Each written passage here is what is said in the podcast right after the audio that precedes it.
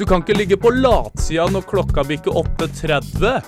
Få på noe kaffe, smekk i deg en toast og kom deg på jobb.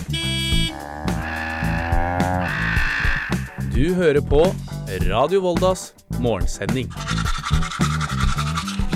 God morgen, Søre Sunnmøre. Det er tirsdag, og klokka den er 08.30, og du hører på Radio Volda. Mitt navn det er Ola Almås Gyllumstrø, og det er jeg som skal være sammen med dere den neste halvtimen fram til klokka blir ni. Og i dag så har vi masse fint på, på menyen, er ikke det de sier, til dere. Og vi skal annet ut på hummerfiske, da sesongen starta nå på søndagen. Så Trygve Løkka Wølner skal ut dit og ja, forklare litt hvordan det går for seg. I tillegg så skal vi få en gjest i studio som kan fortelle oss om en ganske så spesiell historie, som er hele 80 år gammel og kommer da fra andre verdenskrig. Men uh, før det så skal vi få høre litt lokale nyheter fra Søre Sunnmøre. Og det skal handle om noen av de større bankene i området, stemmer ikke Ellen Arnesen? Det stemmer. Styret i både Sparebank1 Søre Sunnmøre og Sparebank1 SMN har vedtatt en plan for sammenslåing. Storfusjonen mellom de to bankene er med andre ord et steg nærmere realitet. Dette melder Vestlandsnytt. Det overordna målet for denne sammenslåtte banken er å bli den ledende bankaktøren på Sunnmøre og i Fjordane. Øst for Krumsvikneset i Voldsfjorden ved Støylen har Kystverket gitt tillatelse til nytt oppdrettsanlegg for torsk. Det er Gadus Group AS som har søkt om etablering av et akvakulturanlegg, altså et fiskeoppdrettsanlegg. Det melder avisa Møre. Snøv trekkhundklubb er stifta, og starter opp med aktiviteter i Nordfjord og på Søre Sunnmøre. Dette melder avisa Møre. Snøv står for Stryn, Nordfjord, Ørsta og Volda, i tillegg til at Snøv er det lokale navnet for nettopp snø. Så over til sport. KF, KFUM Volda møtte BK Tromsø i Volda Campus Sparebank 1 Arena i går kveld for et spennende volleyballoppgjør. Volda vant kampen 3-1, og Rune Bernås, treneren for laget, sier at de vant kampen fordi de beholdt sitt gode humør og spilte med et godt nivå hele kampen. Neste kamp er allerede kommende lørdag, også den på hjemmebane mot da Randaberg. Og nyhetene de fikk du av Erlend Arnesen. Takk skal du ha, Erlend Arnesen. Og vi skal få mer nyheter, vi. Veldig Eller i slutten av sendinga, bør jeg vel si. Men før det så skal vi få høre litt musikk her på Radio Volda.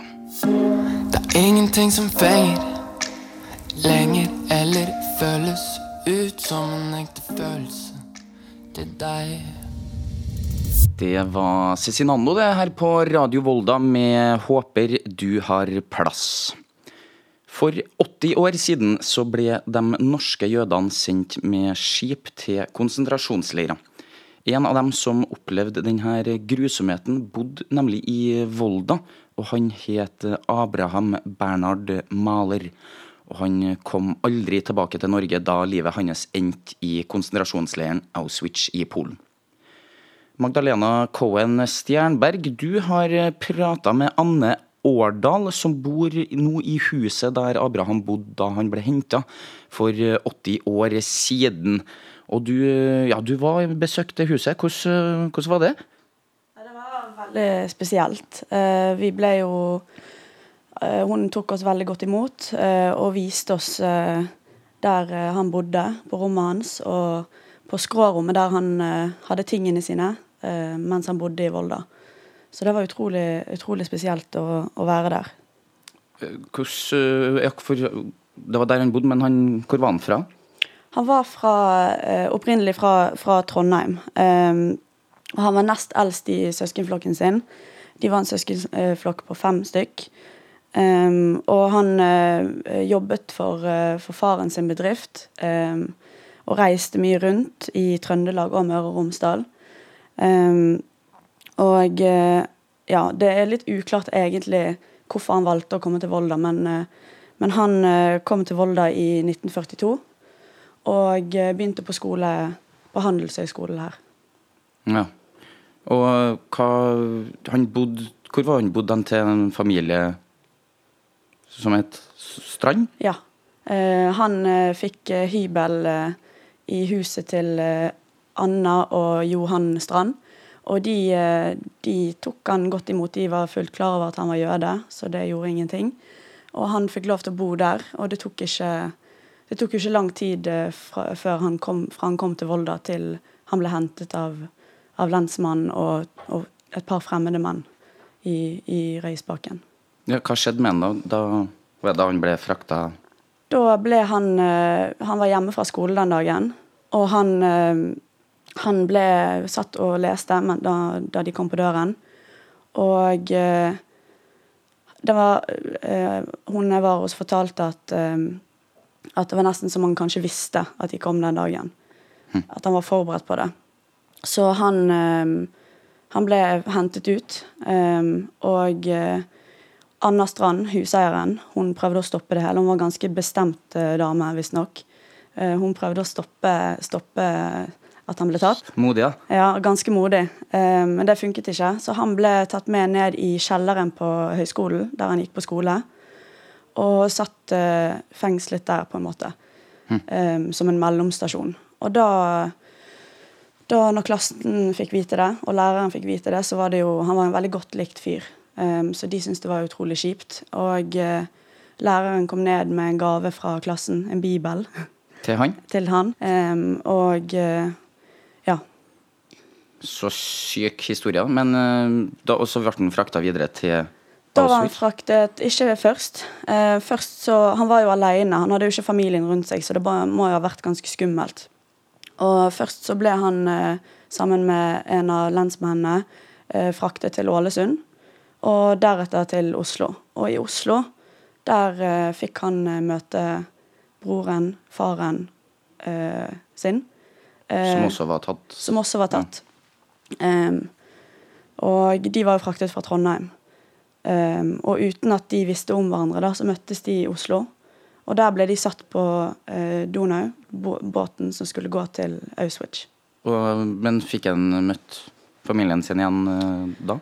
Moren og, og søsteren eh, ble jo også fraktet til, til Auschwitz. Um, men uh, søsteren og broren em, Han hadde jo fem søsken, så, så to av de, de klarte å rømme.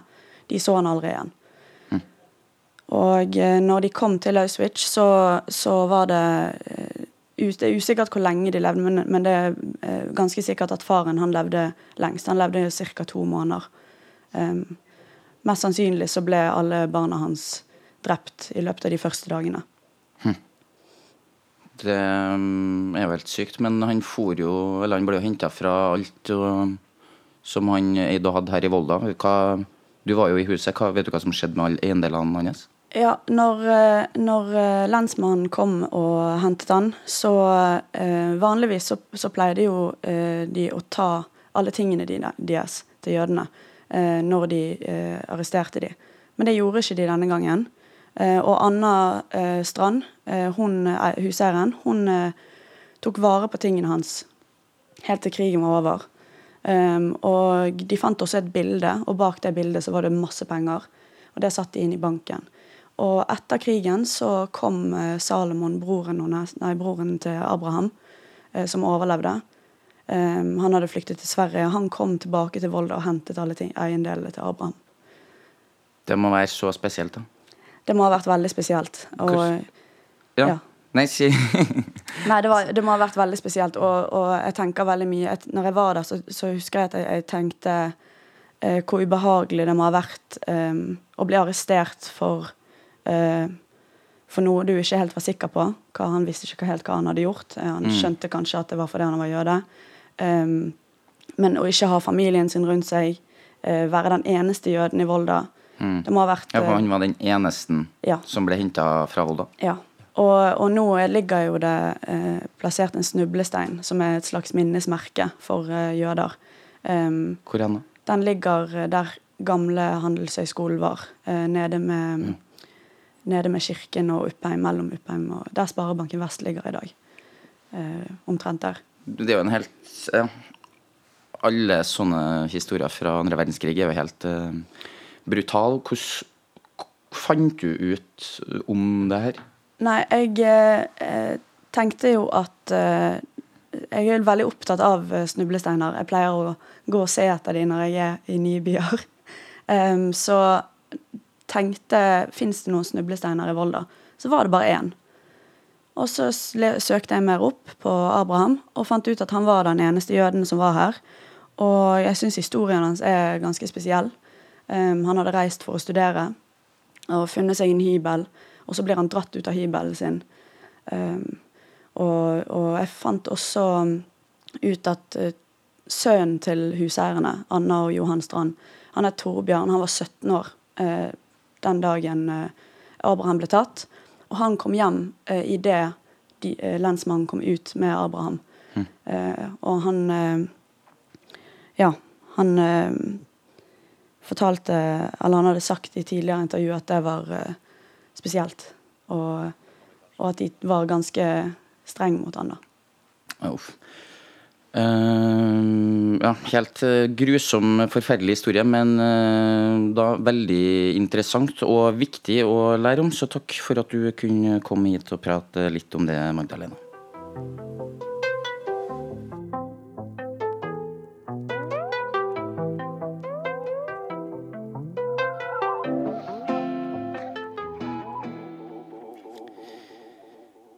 Det var Hull i foten av Stig Brenner og Siabong. Sesongen for hummerfiske starta nå på søndag den 1. oktober. For å fiske hummer må man ha registrert seg til Fiskedirektoratet. Trygve Trygg... Nå var jeg veldig mye tull på meg. Trygve Løkka Vølner er navnet ditt. Og du har ikke registrert deg sjøl, men du er med noen som har registrert seg. Og hvor er det du befinner deg hen nå? Ja, nå er jeg i Fosnavåg, og jeg befinner meg her sammen med Ragnar eh, Reite. Vi er nå ute i hans eh, båt på 21 fot, og vi er godt i gang med å dra opp eh, hummerteiner. Eh, Vi har eh, allerede fått seks hummer, og nå skal vi til å dra opp den eh, siste. Hva, eller det er ikke den siste, da, men den siste som dere får vært med på. Hvordan tror du dette kommer til å gå, Ragnar? Det går bra. Hvordan ser det ut der, da? Hvordan er en hummertein, og hvor stor er de humrene? og- Eh, hummerne er ganske store. altså Vi har fått noen som er Ja, Hvilken størrelse vil du si de er på, Ragnar? Hvilken størrelse er de største hummerne vi har fått i dag? To kilo. To kilo på de største. De er, eh, har noen ganske fryktinngytende klør. Og nå har vi fått opp den siste tegneren. Nå skal vi se hva vi får opp. Det som er litt artig med hummer, det er at vi eh, i Norge så visste vi ikke helt at de var eh, digg å spise før på 1600-tallet. Nei, for nå er det jo omtalt som en delikatesse. Ja, denne tegna var forresten tom. Det var litt uh, synd. Eh, det er litt krabbe her, og det er veldig gøy å se på Ragnar når han tar ut disse krabbene og sånn, fordi det går jækla fort. Men eh, det stemmer det at eh, hummer er jo en delikatesse i dag. men det var faktisk nederlenderne som lærte oss at det var snacks. Og før det så brukte vi det egentlig bare som gjødsel hvis vi fikk det i garna våre. Men utover 1600-tallet, da begynte vi å skjønne at hummer, det må man spise. Og etter det så har det jo bare blitt fiska og fiska. Eh, og Ragnar, eh, du har jo eh, fiska dette ganske lenge. Når var første gang du satt en hummerteine? Jeg var ikke store karen da, nei. Jeg tror det var seks-sju år. Ja. Var ute til hummerteine. Og hvordan skaffa du deg en sånn hummerteine da? Vi snekra dem sjøl. Ja, nettopp. Hvordan gjør man det? Nei, vi brukte bare materiale og sånne ting. Og, og line, og så laga vi tegnene sjøl. Ja. Det var veldig, veldig greit. Og du har fortsatt til den dag i dag. Hvorfor det? Nei, det er kjekt styre med det. Mm. Det er det. Eh, Det har blitt en lidenskap. Fritidsfiske og fiske generelt, det er Syns det er helt topp. Roer både hjertet og, og sinnet sitt når det han eh, driver med dette her greiene her. Men du eh, fisker jo mer enn bare det du spiser. Ja ja. Jeg selger gjennom Surofi, og så har jeg si, med så jeg eh, selger skal si, sånn til helgene og til jul spesielt. Da Da har vi noen sånne eh, tags som vi kjøper med Surofi, som skal være rundt klørne på hummeren, slik at han viser at han er lovlig fanga. Og apropos klør. Vi har jo sittet her eh, nå og eh, bindet disse kløra. Eh, og du har fortalt meg at en, en hummer kan, kan ta fingeren din. Ja, med, det kan han. Med saksekloa så kan han faktisk ta fingeren. da. Hvis du får en skikkelig stor hummer, så får han eh, Eller ja, jo da, han ta- tar fingeren. Så det er virkelig deadly catch vi driver med her. Ja, ja, ja. Det er det. Nettopp. Eh, og hvor mange teiner er det vi skal sette, nei, ta opp nå i løpet av dagen? Vi skal prøve å ta opp 20 stykker. Ja. Det skal vi. Jeg sånn som yrkesfisker, så har jeg lov å ha 100 teiner. Det er litt forskjell på regelverket skal du si, eh, på eh, en fritidsfisker og en yrkesfisker. Det er det. Men eh, det med yrkesfiske, er det sånn at man eh, kan eh, leve 100% av å fiske hummer i Norge? Nei, det går ikke. Hvorfor ikke det? Nei, det, det er ikke det, det, er for, det, er ikke, ikke, det er ikke nok driftstid for å få levetall. da. Men det er klart at det går an å ha seg ganske grei biinntekt og sånne ting. Og, eller biaktivitet og sånne ting. da. Det, det går fint, altså. Men man kan kanskje si at eh, de som driver med hummerfiske, gjør det hovedsakelig pga. tradisjon og, og morsomt, og så er det en biinntekt som en bonus. Ja, det er det. Det er ikke tvil om. Det er ikke, det, altså, det er yrkesfiskere som har det som biinntekt, eller som, som altså attåt næring, da. Så attåt det andre fiskeriet som de har, da. Nettopp. Nå er vi altså på vei til neste, neste teine. Og vi gleder oss skikkelig til å se om vi får noe mer. Og hvis du eh, er interessert i å finne ut av hvor mye vi fikk, så får du høre på torsdagssendinga, fordi da skal jeg nemlig lage en liten reportasje om hvordan resten av turen gikk. Nei, veldig veldig artig å høre, Trygve. Du, vi er veldig spent på å, å høre hvor mange, hvor mange hummer det blir. Og det får vi da høre på um, Som sagt på uh, torsdag.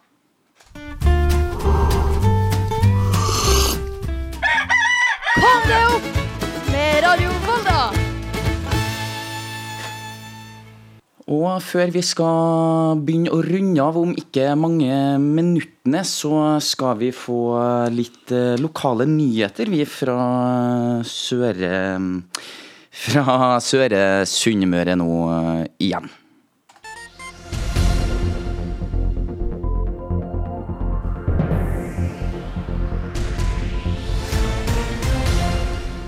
Styret i både Sparebank1 Søre Sunnmøre og Sparebank1 SMN har vedtatt en plan for sammenslåing.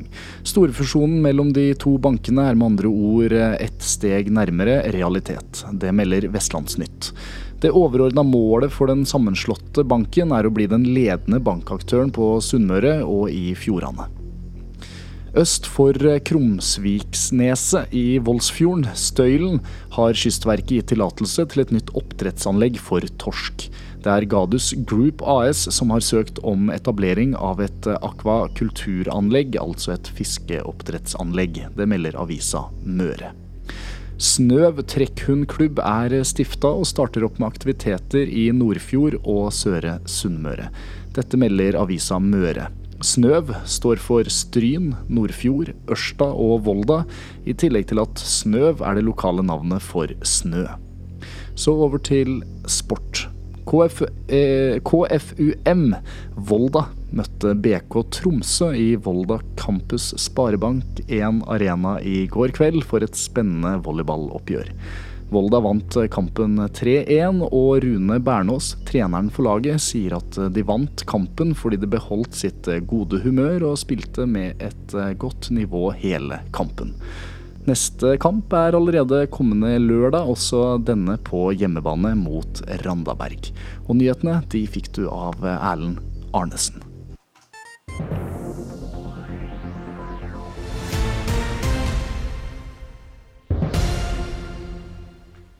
Vi må begynne å runde av. Jeg sier takk for i dag, og så høres vi neste gang på torsdag. Da er det både pod-timen og oppdatering på hummerfangst og masse, masse annet godt. Så jeg håper dere har en strålende dag videre. Så høres vi på torsdag.